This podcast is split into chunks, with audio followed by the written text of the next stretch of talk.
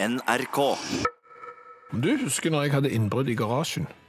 Ja, da de stjal en sykkel. Ja, Ja. de, de stjal en sykkel, eh, men ikke den rette sykkelen. For så vidt. Eh, Ikke den logiske sykkelen. Nei, for det sto et eh, gammelt vrak av en sykkel, og så sto det en splitter nye sykkel. Og hva tok de? Eh, De tok den som ikke var verdt så mye. De gikk for vraket. Ja, og det er jo litt spesielt. Ja. Og apropos eh, sykkeltyveri av det litt spesielle slaget, eh, så fikk jeg en melding fra Per Inger. ja. For han har nemlig vært på jobb hos Aker Egersund. Stor bedrift. Ja, og de lager ting til oljeindustrien. Eh, Stort område vi har vært der. Eh, Og da er det sånn at han hadde en private sykkel eh, som han brukte til og fra parkeringsplassen. Og det er såpass store områder, ja. Ja, Mm. og hver eneste kveld så ble jo selvfølgelig sykkelen behørig låst til en gjerdepåle med en stor hengelås og 50 cm rustfri kjetting. Vi snakker halvmeter rustfri kjetting her. En mandagsmorgen ja. så kom eh, Per Ingar eh, til sykkelen sin, finner at hengelåsen er klippet av. Nei, nei, nei. Sykkelen står der, og kjettingen er stjålet. Halvmeter rustfri kjetting Ja, ble prioritert foran sykkel. ja, sykkelen står pent urørt på sin faste plass. Noen har da tatt seg bryet med å kappe hengelåsen for å stjele kjettingen. Kan det være et utslag av dårlig samvittighet der og da? Men når du har gjort såpass mye arbeid, så må du ta noe med deg på en måte. Ja, mulig, men det er jo litt rart. Men det er jo litt for rart å egentlig forstå hva som skjer inni en kjeltring sitt hode. Fordi at eh, Per Inger har hatt innbrudd eh, etter det òg, han. Han er utsatt mann. Eh, Inn i en ulåste garasje og en bod. Mm. Der ble det tatt ei trillebår. Ja vel. Et ti liter malingsspann med en halv liter maling i. Og en liten skvett bare. Ja, og det er jo litt rart i og med at det står ti liter malingsspann rett ved siden av som ikke er åpna og helt fullt. Men Det er jo tungt. Jo, men du hadde jo trillebår. det er sant. Så har du tatt ei spade, et plastikk koppestell for barn og et sett med grønne øreklokker, sånn hørselvern for barn. Ja vel. Og ei pappeske. Ei pappeske i tillegg. Ja, og det er jo for så vidt ikke så rart, men det som er litt rart er at oppi den pappeska så lå det ei flunkende ny motorsag. Det tyven da har gjort er å ta ut den flunkende nye motorsaga, sette den i hylla og ta med seg pappeska istedenfor. Ja, men da fyller han jo det med koppestellet, som Nei, du sier. Nei, for han hadde jo trillebår. Ja, det stemmer. Så du trenger jo ikke det. Og alt utenom disse grønne øreklokkene for barn ble da funnet igjen et par dager senere i ei grøft. Å ja. Ja. Men det er jo litt rart. Hva tenker du på? Nei, hva tenker du på? Eh, Det er, det er en verden vi ikke har vært inne i, for å si det sånn. Ja, og, og vi vet ikke egentlig hva de som er ute og gjør seg til tyv for rare ting egentlig tenker på, men vi har lagt ut en liten tråd, et lite agn eh, på Facebook-gruppa til Utakt, eh, der du kan skrive din historie når du virkelig stusser på hva var det egentlig kjeltringen tenkte på når han stjal dette, for vi er sikre på at det er andre som har opplevd rare tyveri.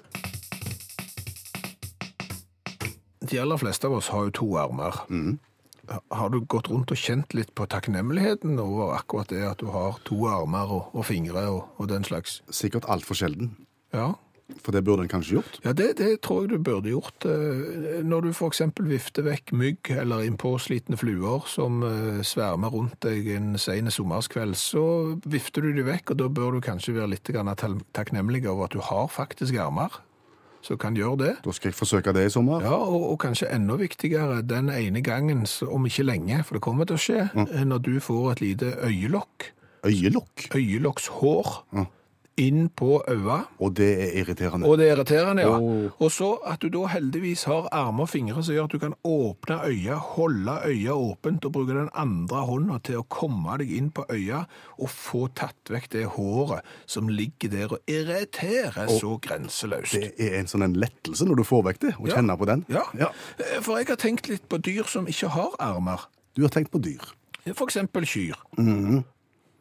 Er kyr i stand til å få vekk et sånn et eh, irriterende øyelokkhår fra øya? Eller sågar hest, hvis de har fått litt man inn på øya? Og de har store øyer òg, så det Ja. plass til ganske mye. Og de har jo ikke armer og fingre. Hvordan løser de det?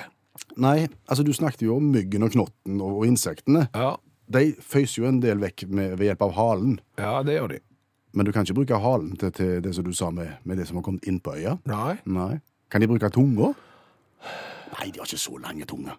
kua har kanskje. Jeg har spist eh, tunga av ku. Det, det er voksent Ja organ, for å si det sånn. Det, det, jeg tror det kan gå ganske langt. Så det er mulig at kua kan slikke seg i øynene og få vekk eh, øyelokkshår. Eh, men det er jo andre dyr igjen. Jeg aner ikke hvordan de forholder seg. Altså, er alle dyr utstyrt med en tilgang til de mest irriterende stedene på kroppen, hvis du skjønner? Altså, det er jo andre plasser òg, når det begynner å klør og sånn. det, det er ikke mange plasser vi ikke kommer til med armene våre. Vi kommer til og med stort sett til på ryggen og overalt, men er det sånn at det er dyr der som, som rett og slett har områder som er helt De, de kommer ikke til. Nei, altså, Ei ku kommer jo ikke til hvis en klør midt oppå ryggen. Ja, halen. Ja, hvis det er litt langt fram. Litt oppå nakken. Oppå nakken, ja. det er ikke kjangs. Ja, nei, Da, nei. da må de nok inntil et tre eller, eller en vegg og, og kneke seg, kanskje. Ja, eller, eller finne en eller annen som kan bistå, Ja. liksom, om de har Hallo? Ja, det er mulig Ja, men, hva, ja, men hva skal den andre kua klø med? Nei, men den, det er igjen da, hvis de har fått sånn øyelokkhår, eller hesten har fått man på øyet, eller noe sånt, så kan en gjerne henvende seg til en annen fjording, og så spørre om du kan slikke meg på øyet, er ikke sikker, men, men dette har jeg gått og lurt på. Mye? Faktisk ganske, ja. Mm. Eh, og, og jeg har jo tenkt på kenguruen, for eksempel. Ja vel? Med problemer med Altså, Kenguruen har jo veldig korte armer. Ser litt, egentlig litt rare armer. Litt sånn Ser ut som et ekorn. sant? Og ekorn òg har den så korte armer at han ikke rekker opp til egen, egne øyne. Eh, Og da er det gjerne upraktisk med så store bakbein. Hvis du skal begynne å ta ut hår fra eh, øyet ditt med, med kraftige bakbein. At det fort kan, kan bli følgeskader da. Du skal være Forsiktskader. Ja, du skal være forsiktig innpå der. Du Ja. vet aldri hva som skjer. Nei, ja. Så, så dette har jeg litt lurt på, om, om naturen har ordna det sånn at alle dyr har tilgang til kroppens eh, proble problematiske områder, eller om vi er i særstilling. Var det greit å få det ut, på en måte? Ja, det er ikke sikkert at det har bidratt til så mye, men det var greit å få det ut. Og nå tenkte jeg at vi skulle by på fire veldig nyttige minutter. Ja, for du vinner ingen konkurranse i lesesirkelen hvis du kommer dragende med kiosklitteratur og sier at dette har jeg lest. Du må komme med noen klassikere, du må komme med noen bøker som det er forventa at alle har lest. Og det er jo her denne serien vår kommer inn i bildet, som heter Kjente bøker på fire minutter. Har holdt på med det ganske lenge nå. Vi tar for oss én klassiker hver mandag som du burde ha lest. Og så skal vi lære den til deg i løpet av fire-fem minutter, og så kan du framstå som om du har lest den, dersom du ikke har tid. Ja, gullsmart. Janne Stigen Drangsholt er forfatter og litteraturviter og leser for oss.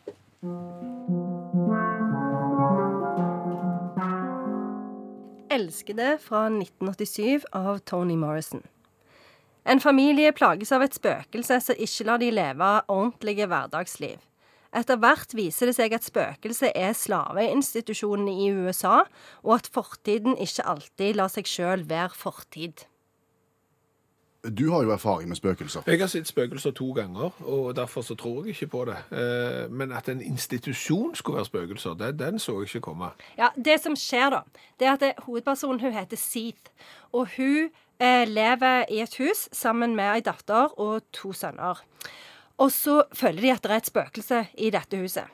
Eh, så går de aldri ut, og den hindrer de liksom i å leve normale liv. Og så en dag så går de endelig ut, og når de kommer tilbake, da, så sitter der ei jente og er helt sånn våt på trappa. Og så mener de at det er det som er spøkelset. Og det er det som er 'beloved' eller 'elskede' i tittelen. Så da har plutselig spøkelset fått fysisk form, og da må de liksom forholde seg til henne. Men er det ikke litt rart at du ikke forlater huset fordi det er spøkelser i det? Da ville jo jeg tenkt at la oss bare komme oss ut så fort som det. Nemlig. Men det som er det at det er derfor det spøkelset er liksom symbolet på den institusjonen, for den holder de fanga. Selv om de har rømt fra den eh, plantasjen hvor de var slaver, så holder den de fremdeles fanga. De er fremdeles ikke frie. Så det er liksom den prosessen da som de må gå gjennom for å bli frie. Og så viser det seg jo at det har skjedd noe helt forferdelig grusomt som kan få deg til å grine blod. Og som gjør at jeg ikke anbefaler eh, de som har litt dårlig mental helse, å lese denne boka. Du må tåle litt. Må tåle litt. Mm. På hvilken måte manifesterer dette spøkelset seg? Det manifesterer seg som ei jente eller ei ung kvinne som på en måte eh, først hjelper de å bearbeide det som har skjedd, det fæle som har skjedd.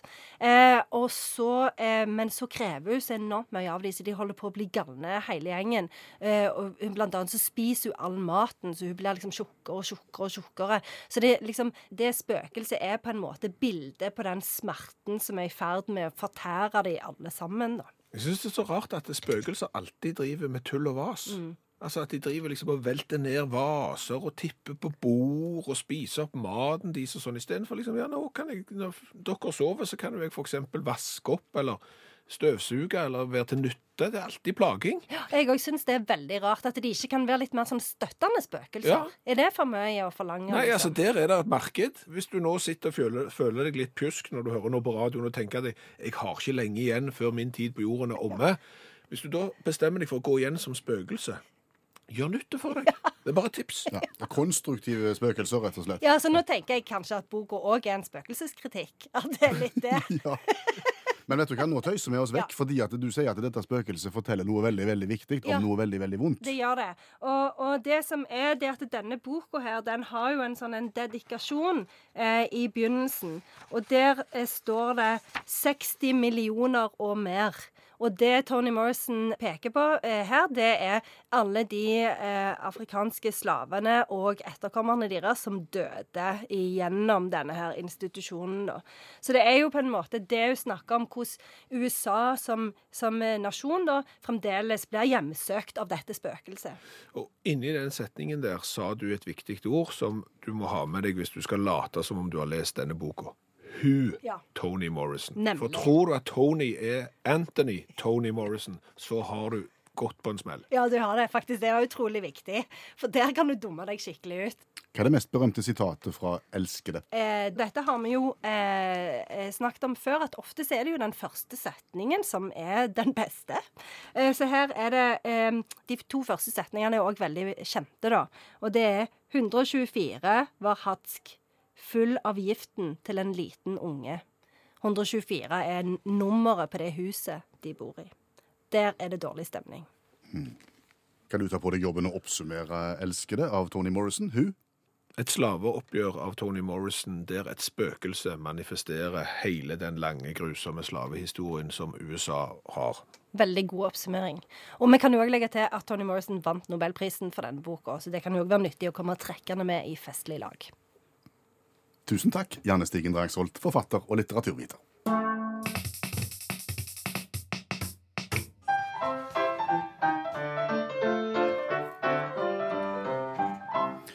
Dagens revyvise er et fast innslag i radioprogrammet Utakt. Vi kommenterer en eh, aldri så liten nyhetssak fra et eller annet sted i verden ved hjelp av ei vise på 20-20 sekunder. Ja, så du kan si at visa og selve sangen er jo egentlig bare ramma her. Eh, Bildet, det er jo selve historien.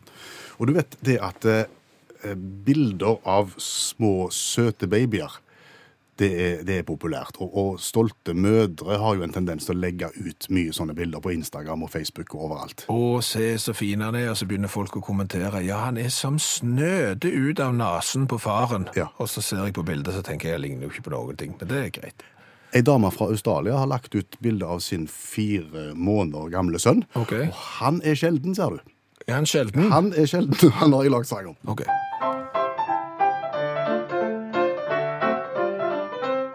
Liten kar, sterk og klar, se han ligner på sin far, selv om det er veldig lenge til han fyller året. Bare fire måneder stor, men det er ikke det du tror når du ser hvordan gutten er på håret. Han er på ingen måte det du kaller skallet. Nei, han ser ut som stjerne ifra 80-tallet.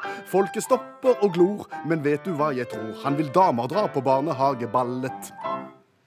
Fire måneder gamle Boston. Han har en manke sveis som du ikke trodde var mulig. Og, og det er jo gjerne sånn at eh, en eh, har en del hår når en blir født, og så mister en det, og så begynner en på en måte på nytt. Ja, spesielt bak mister du det. Ja. Når, når små unger ligger og så gna, gneier, gni, knir gnir, gnager, gneger håret mot puter, så forsvinner det, så får du jo måne, så ser det ut som de er 70 år med en gang. Det gjør ikke Boston. Å nei. Boston har hockeysveis. Han har kjempelangt hår. Okay. Han, har, han har mye lengre hår enn sin far. og det er så bra. Og, og, og eh, han ble jo stoppet på gata, og folk, folk eh, kom jo i prat med mor bare på grunn av hårmanken. Som på, grensen til en severdighet. Ja, egentlig. Ja. Og hun har jo lagd ei greie av dette her og lagd en egen Instagram-konto og profil og, og stadig nye bilder av lille Boston, og fått sykt med følgere. Ok. Ja. Eh, Det er normalt, sier leger, at eh, noen kan få ganske mye hår, men så mye som lille Boston har, er ikke spesielt vanlig. Nei, og, og nå kjente jeg på at uh, istedenfor at du forteller om eh, Boston mm. på radioen, så har jeg jo lyst til å se han. Ja, jeg har, jeg, har, jeg har delt bildet som mor har delt OK. av, av lille Boston. Ja. Så det kan du se hvis du går inn på, på Utakts Facebook-gruppa. Tror du Boston, når han blir eh, stor, kommer til å være fornøyd med at mor liksom har eh, vist han fram når han var for liten til å gi samtykke på, på Instagram og Facebook og den slags? Mm, det vil jo vise seg, men det kan jo være en kan dra veksel på det også. Altså, Boston skal fram, tenker jeg. Boston skal fram. Om jeg kan komme med et forbrukertips? Gjerne hvis det er nyttig for alle og enhver. Det er nok ikke så ja, ja, Nei, det er ikke nyttig for alle og enhver. Det er iallfall nyttig for noen. Men det er jo ofte sånn at eh, media tar jo gjerne de forbrukerrådene som svært mange har bruk for. Mm. Så får heller vi, tenker jeg, ta de litt små, smale eh, forbrukertipsene som kanskje noen få eh, kan få bruk for. Her kommer et marginalt forbrukertips. Ja, ikke tiss ute i mørket med hodelykt. Ikke tiss ute i mørket med hodelykt. Ja. Nei. Ha, har du forsøkt det? Ja, eh, dette her krever gjerne en liten eh, bakgrunnsforklaring. For på lørdag i fylket vårt så ble det arrangert en såkalt nattevandring. Det er for å sette fokus på FN sine bærekraftsmål. Yes. 7000 mennesker var i fjellene rundt Sandnes med hodelykt. Ja, og det er jo et fantastisk skue når tusenvis på tusenvis bukte seg langs stien med hodelykte. Det er jo helt fantastisk når mørket har eh, senkt seg. Ja. Men så er det jo sånn at eh, når svært mange er til stede og, og sånn, eh, og du er der lenge Så kaller naturen. Ja! På godt og vondt. På godt og vondt, fordi at du har gjerne drukket mye kaffe og sånn, og så må du. Ja. Og da er det jo for så vidt greit der i mørket å, finne seg en liten plass eh, å, å tre av på. Eh, men så er jo da forbrukertipset mitt det er å skru av hovedlykter når du skal tisse. Ja, Spesielt som mann. Ja, for alle som er til stede på et sånt arrangement, går jo rundt i, med hodelykt, for, det, for det er jo dørgende mørkt i utgangspunktet. Ja. Ja. Men du bruker vel lykta for å finne fram til en plass hvor du kan stå? Ja, ja, ja, men sant, så beveger du deg da inn et par meter fra stien. Ja. Eksempel når det går tusenvis av folk forbi. Altså, og så glemmer du da, eller tenker jo ikke på at du kanskje skulle skrudd av hodelykta. Og så begynner du jo å tisse. Ja.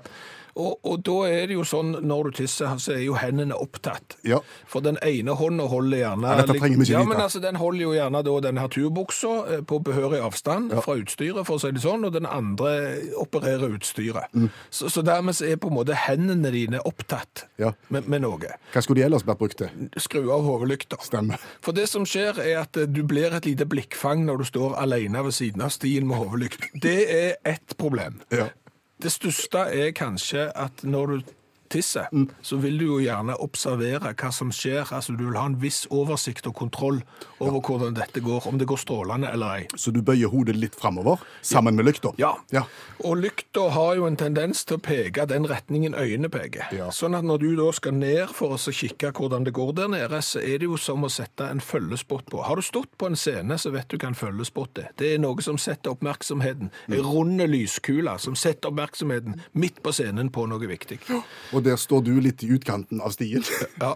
og prosjekterer, holdt jeg på å si. Ja. Pro projiserer med lys Ja. rett mot sentrum. Rett mot eh, sentrum. Eh, og, og det er jo ulempen. Hendene kan jo da ikke gå opp akkurat i operasjonen og så skru av denne lykta. Nei.